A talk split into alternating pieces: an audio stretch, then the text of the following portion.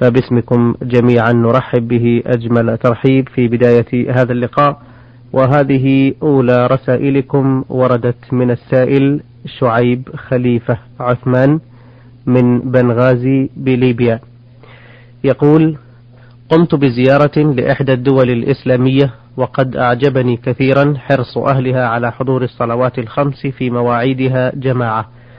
ولكن لفت نظري شيء حول عملية قضاء الحاجة فإنه يوجد بجوار كل مسجد دورات للمياه ولكن يتم قضاء الحاجة وقوفا رغم وجود دورات مياه عادية وشرعية ولكن أغلب أهل البلد هناك لا يرتادون إلا تلك التي يقضون حاجتهم وقوفا. والذي ساءني أكثر أنني أراهم بعد قضاء الحاجة مباشرة ينصرفون إلى الوضوء دون استنجاء جهلا منهم وظنا أن الاستنجاء إنما يكون من الغائط فقط. فأرجو توجيه نصيحة إلى هؤلاء وإرشادهم إلى وجوب التطهر قبل بدء الوضوء للصلاة. الحمد لله رب العالمين وأصلي وأسلم على نبينا محمد وعلى آله وأصحابه أجمعين. وبعد فإننا نشكر الأخ السائل على اهتمامه بأحوال المسلمين.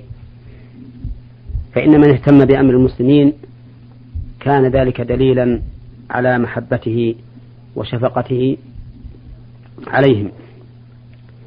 أما بالنسبة لما يصنعه أولئك الإخوة فإن كونهم يبولون قياما لا بأس به فإن البول قائما يجوز بشرطين أحدهما أن يأمن من التلوث بالبول والثاني أن يأمن من النظر إلى عورته. وأما كون هؤلاء الإخوة لا يستنجون من البول بل ينصرف الإنسان منهم بدون أن يتطهر لا باستنجاء ولا باستجمار فإن هذا غلط منهم كبير. وهو سبب للعقوبة وعذاب القبر. لما ثبت في الصحيحين من حديث ابن عباس رضي الله عنهما أن رسول الله صلى الله عليه وسلم مر بقبرين فقال إنهما لا يعذبان وما يعذبان في كبير. أما أحدهما فكان لا يستبرئ من البول وأما الآخر فكان يمشي بالنميمة.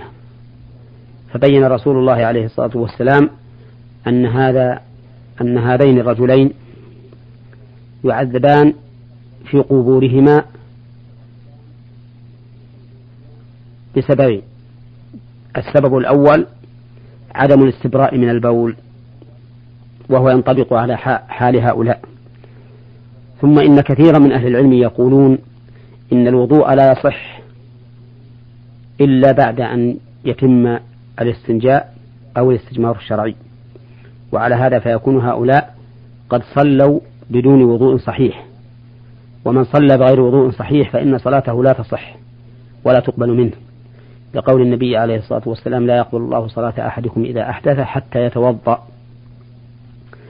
فأوجه النصيحة إلى هؤلاء الأخوان أن يتقوا الله عز وجل وأن يستنزهوا من البول ويستبرئوا منه وأن يستنجوا بعد التبول بالماء أو يستجمروا بأشياء مباحة أي مما يباح الاستجمار به.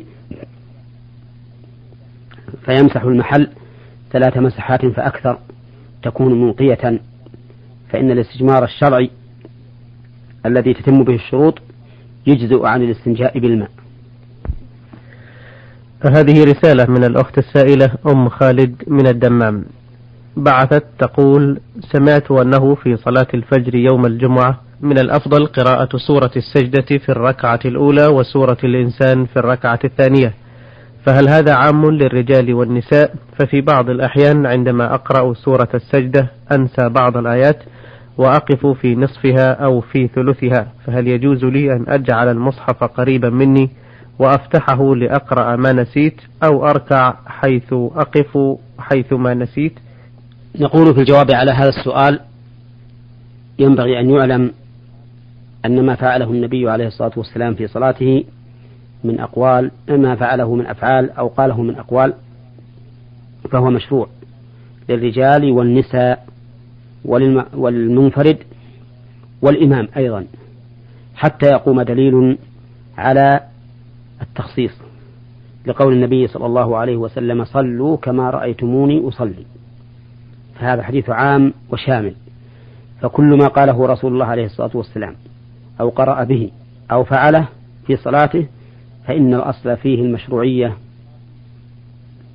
لكل أحد. وأما القراءة من المصحف عند خوف النسيان فإن هذا لا بأس به. فيجوز للإنسان أن يقرأ في المصحف عند خوف نسيان آية أو غلط فيها ولا حرج عليه. نعم. لها سؤال آخر تقول فيه نعلم أنه من المستحب للرجل في يوم الجمعة الغسل والتطيب ولبس أحسن الثياب فهل هذا ينطبق حتى على المرأة أيضا ولها نفس الأجر؟ وهل يصح الاغتسال قبل الجمعة بيوم أو يومين؟ وينوى به الجمعة أم لا يصح إلا في يومها؟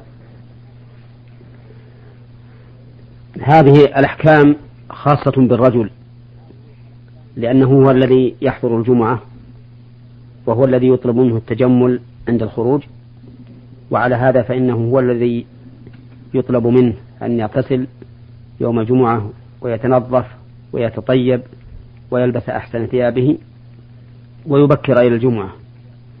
أما النساء فلا يشرع في حقهن ذلك ولكن كل إنسان ينبغي له إذا وجد من في بدنه وسخا ينبغي له أن ينظفه فإن ذلك من الأمور المحمودة التي ينبغي للإنسان ألا يدعها.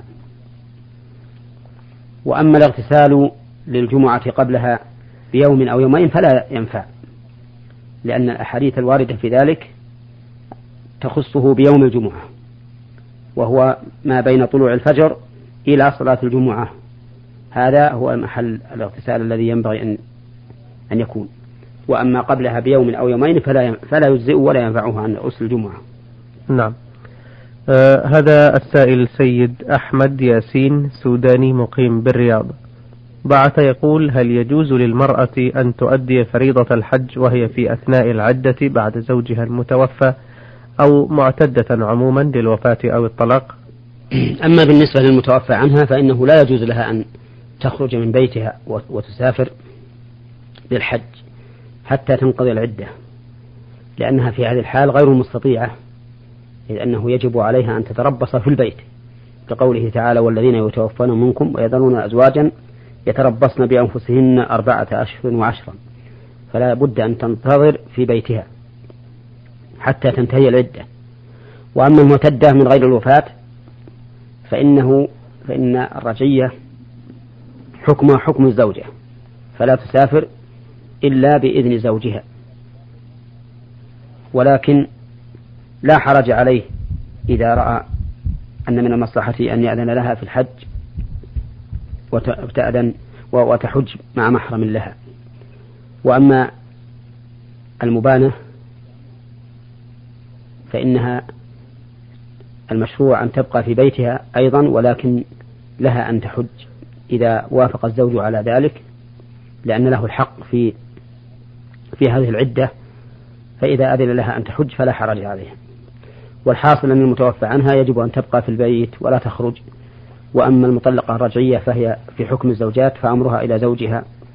وأما المبانة فإنها لها حرية أكثر من الرجعية لكن مع ذلك لزوجها أن يمنعها صيانة لعدته. نعم. أحسن الله إليكم. هذا سؤال من المستمع ميم عين يا من العراق محافظة ذي قار. يقول آه، السؤال حول موضوع أو ظاهرة أو ظاهرة تعرف بالدروشة يقوم بها بعض الناس الذين يدعون بأن نسلهم يرجع إلى الرسول صلى الله عليه وسلم.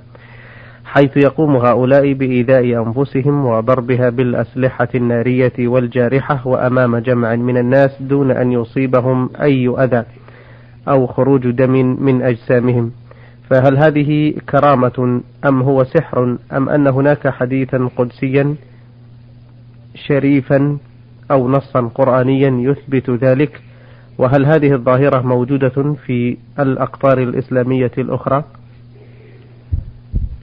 هذا السؤال بالحقيقة هو نفسه دروشة. وهؤلاء الدراويش الذي يعنيهم أولا لا تقبل دعواهم أنهم من ينتسبون إلى النبي صلى الله عليه وسلم إلا ببينة تاريخية تثبت ذلك. ولو قبلنا هذه الدعوة لادعاها رجال كثير. فدعواهم أنهم من نسل الرسول عليه الصلاة والسلام غير مقبولة حتى يثبتوا ذلك بالطرق الصحيحة التي يثبت بها مثل هذا الأمر وأما كونهم يضربون أنفسهم بالحديد أو غير الحديد ولا يتأثرون بذلك فإن هذا لا يدل على صدقهم ولا على أنهم من أولياء الله ولا عن ولا على أن هذا كرامة لهم. نعم. وإنما هذا من أنواع السحر الذي يسحرون به أعين الناس والسحر يكون في مثل هذا وغيره فإن موسى عليه الصلاة والسلام لما ألقى سحرة فرعون ألقوا حبالهم وعصيهم صارت من سحرهم يخيل إليه أنها تسعى وأنها حيات وأفاعي وكما قال الله عز وجل سحروا أعين الناس واسترهبوهم وجاءوا بسحر عظيم. فهذا الذي يفعلونه لا شك أنه نوع من أنواع السحر وأنه ليس بكرامة. واعلم أيها السائل أن الكرامة لا تكون إلا لأولياء الله عز وجل وأولياء الله تعالى هم الذين استقاموا على دينه وهم من وصفهم الله في قوله ألا إن أولياء الله لا خوف عليهم ولا هم يحزنون الذين آمنوا وكانوا يتقون. وليس كل من يدعي الولاية يكون وليا وإلا لكان كل أحد يدعيها ولكن يوزن هذا المدعي للولاية يوزن بعمله إن كان عمله مبنيا على الإيمان والتقوى فإنه ولي. لكن مجرد ادعائه أنه من أولياء الله هذا ليس من تقوى الله عز وجل. لأن الله تعالى يقول فلا تزكوا أنفسكم هو أعلم بمن اتقى. فإذا ادعى أنه من أولياء الله فقد زكى نفسه وحينئذ يكون واقعا في معصية الله فيما نهى الله عنه. وهذا ينافي التقوى. وعلى هذا فإن أولياء الله لا يزكون أنفسهم بمثل هذه الشهادة وإنما هم يؤمنون بالله ويتقونه ويقومون بطاعته على الوجه الأكمل ولا يغرون الناس ويخدعونهم بهذه الدعوة حتى يضلوهم عن سبيل الله. نعم. آه هذه السائلة ألف باء. تاء من الدمام. بعثت بسؤال تقول فيه كان والدي وعمي شريكين في مكتب تجاري توسعت أعماله ومساهماته حتى نالت المصانع والشركات وجزءا وجزء من رأس المال التأسيسي لمؤسسة تتعامل بالربا. وقد توفي عمي رحمه الله ولكن والدي تولى الشركة والتي يقوم بإدارتها أبناء الشريكين. وقد تقدمت لوالدي بالنصيحة في إلغاء أسهم تلك المؤسسة الربوية التأسيسية. وقد انتقل والدي إلى رحمة الله من عهد قريب ومنذ وفاته لم نتحدث مع إخوتي وأبناء عمي عن الميراث أبدا. ولقد حضر لدينا كاتب العدل وقرأ علينا نموذج الصكوك المطبوعة والتي فيها البيع والشراء والمساهمات ومن ضمنها مساهمة تلك المؤسسات. وبعد ذلك طلب منا الموافقة والتوقيع وأنا في نفس تلك اللحظة أعرف تمام المعرفة أن المساهمة في مثلها والقرض والاقتراض منها أمر محرم. ولكنني لم أستطع أن أقول أي شيء أمام كاتب العدل لأنني أحرص أشد الحرص على مشاعر إخوتي ولو أنني كنت أود أنهم قرأوا علي هذا النموذج قبل حضور كاتب العدل لأناقشهم فيه. فهل علي شيء وما هو الذي يجب علي فعله الآن؟ إزاء هذا الموقف. أرجو إفادتي وجزاكم الله عنا كل خير. نقول في هذا السؤال إنه تضمن أمرين. أحدهما المساهمة مع شركة تتعامل بالربا وهذا محرم ولا يجوز. فإن أي أحد يتعامل بالربا لا لا يجوز المشاركة معه لأنه سيؤدي إلى إدخال الربا على مال هذه الشركة فيختلط الحلال بالحرام. فلا يجوز تجوز المساهمة في ذلك. وأما بالنسبة لما صنعت من عدم بيان الأمر أمام كاتب العدل فإن هذا محرم. والواجب عليك أن تجعلي تقوى الله تعالى مقدمة على كل شيء حتى على مشاعر إخوانك وغيرهم. وأن تقول الحق فإن الله يقول يا أيها الذين آمنوا كونوا قوامين بالقسط شهداء لله ولو على أنفسكم أو الوالدين والأقربين. ولكن وبعد أن وقع هذا الأمر يمكن أن تتخلصي منه بطلب القسمة وأن تأخذي نصيبك من هذا المال وأن تتصرفي فيه بانفراد أو تطالبيهم بإخراج هذه الشركة التي تتعامل بالربا عن الشركة في بقية المال. فإذا لم يمكن هذا الأمر فلا بد أن تأخذي من نصيبك من هذا المال المشترك وأن تتجري فيه على وجه لا يكون فيه ربا وبهذا تتخلصين من هذا العمل. بارك الله فيكم. هذا السائل المهندس أبو محمد سين ميم من إيران طهران. آه، بعث برسالة يقول في سؤاله الأول فيها نقرأ في بعض الكتب أن لأحمد بن حنبل في المسألة الفلانية قولين أو ثلاثة فلا أدري هل يعني ذلك أن هذه الأقوال هي عدة آراء رآها الإمام أحمد ولم يترجح عنده أحدها. أم أنها آراء قد نسخ أو نسخ اللاحق منها السابق أم ماذا؟ نرجو بيان ذلك. جزاكم الله خيرا. بيان ذلك أن العلماء الكبار المجتهدين قد تختلف اجتهاداتهم من آن إلى آخر بحسب ما يبلغهم من العلم. والإنسان بشر وطاقته محدودة قد يكون عنده في هذا الوقت علم ثم يتبين له أن الأمر بخلافه في وقت آخر إما بسبب البحث ومراجعة الكتب وإما بالمناقشة فإن الإنسان قد يركن إلى قول من الأقوال ولا يظن أن هناك معارضا له ثم بالمناقشة معه يتبين له أن الصواب في خلافه فيرجع. والحاصل أن الإمام أحمد إذا روي عنه في, عد في مسألة أقوال متعددة فإن معنى ذلك أنه رحمه الله يطلع في القول الثاني على أمر لم يطلع عليه في القول الأول فيقول به. ثم هل نقول إن هذه الآراء باقية؟ أو نقول إن آخرها نسخ أولها؟ نقول إن هذه الآراء باقية. وذلك لأن هذه الآراء صادرة عن اجتهاد. والاجتهاد لا ينقض باجتهاد مثله. فقد يكون الصواب في قوله الأول مثلا. فتبقى هذه الأقوال. اللهم إلا إذا صرح برجوعه عن القول الأول. مثل قوله رحمه الله كنت أقول بطلاق السكران حتى تبينته.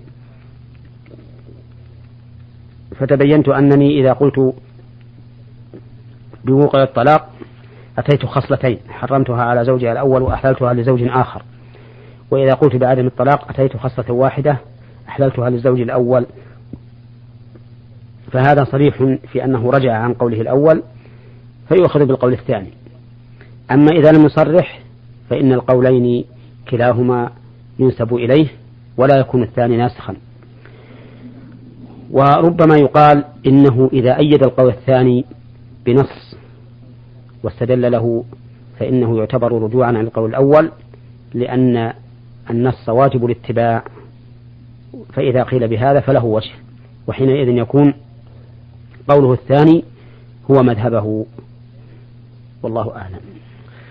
له سؤال آخر يقول ما الحكم فيما يسمى بمواد التجميل الحديثة التي تتجمل بها المرأة مما يوضع على الشفاه أو على الوجه أو في العين أو على الأظافر وذلك إن كان لزوجها فقط ولا يراها رجل أجنبي حيث أنني سمعت أن بعض من لهم نصيب من العلم لم يجوز استعمال هذه المواد حتى وإن كانت للزوج فقط لأنه جعلها من قبيل التشبه بالكافرات. فما هو القول الفصل في هذا؟ نقول إن التجميل ينقسم إلى قسمين. أحدهما تجميل ثابت دائم فهذا محرم. مثل الوشر والوشم والنمص. فالوشر هو التفلج أي تفليج الأسنان ووشر بالميشار حتى تكون جميلة.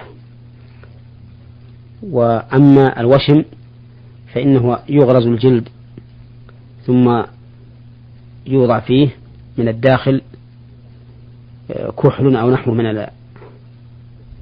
من الأصباغ وتبقى دائمة. وأما النمص فهو نتف شعر الوجه كالحواجب ونحوها.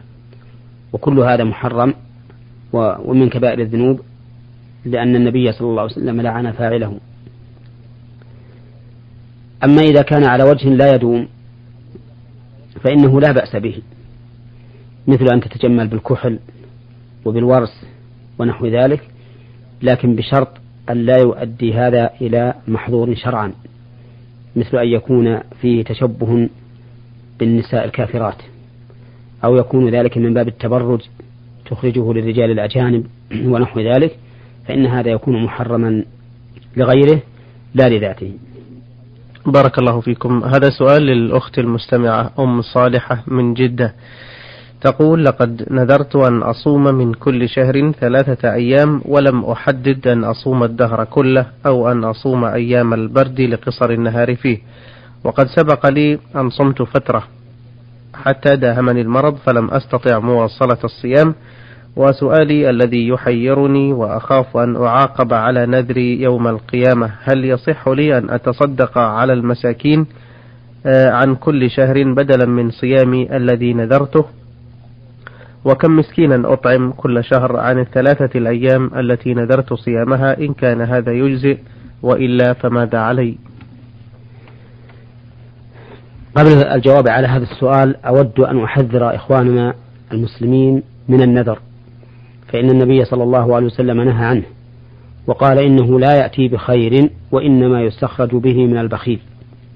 وكم من إنسان نذر نذرا ثم ندم على هذا النذر وصار يلتمس التخلص منه من هنا ومن هناك. وهذا يبين حكمة النبي عليه الصلاة والسلام في نهيه عن النذر. فالحذر الحذر يا أخي من النذر فإنك تلزم نفسك بما أنت في حل منه وفي عافية منه. وربما لا يتسنى لك أن تفعله إلا على نوع من المشقة. وربما تدع تدعه وتتركه وحينئذ تعاقب بما ذكره الله في قوله ومنهم من عاهد الله لئن آتانا من فضله لنصدقن ولنكونن من الصالحين.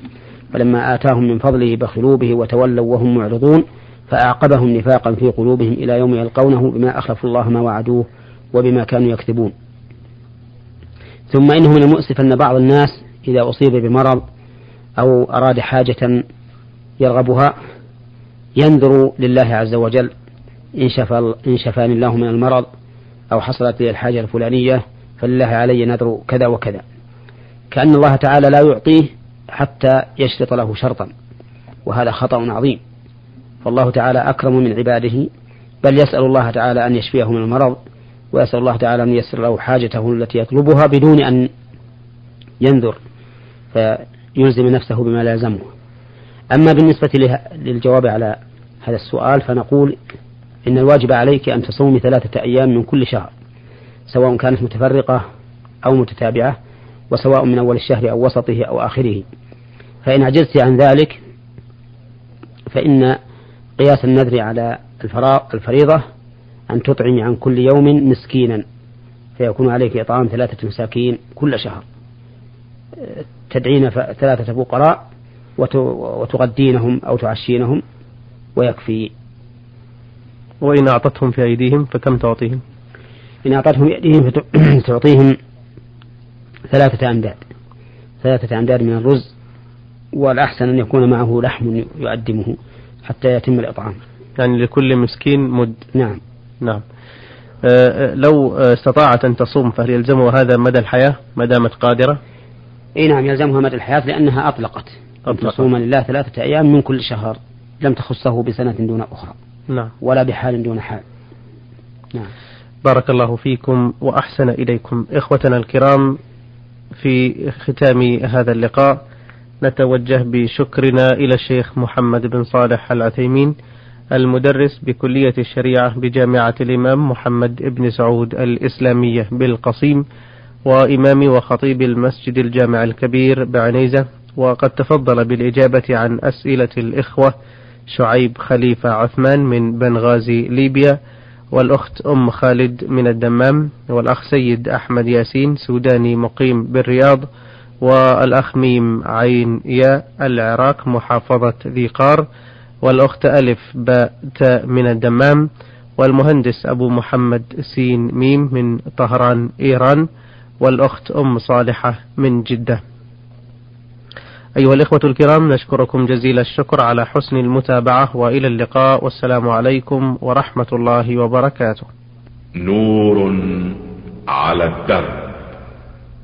برنامج يومي يجيب فيه أصحاب الفضيلة العلماء على أسئلة المستمعين الدينية والاجتماعية. البرنامج من تقديم وتنفيذ أحمد عبد العزيز الغامدي.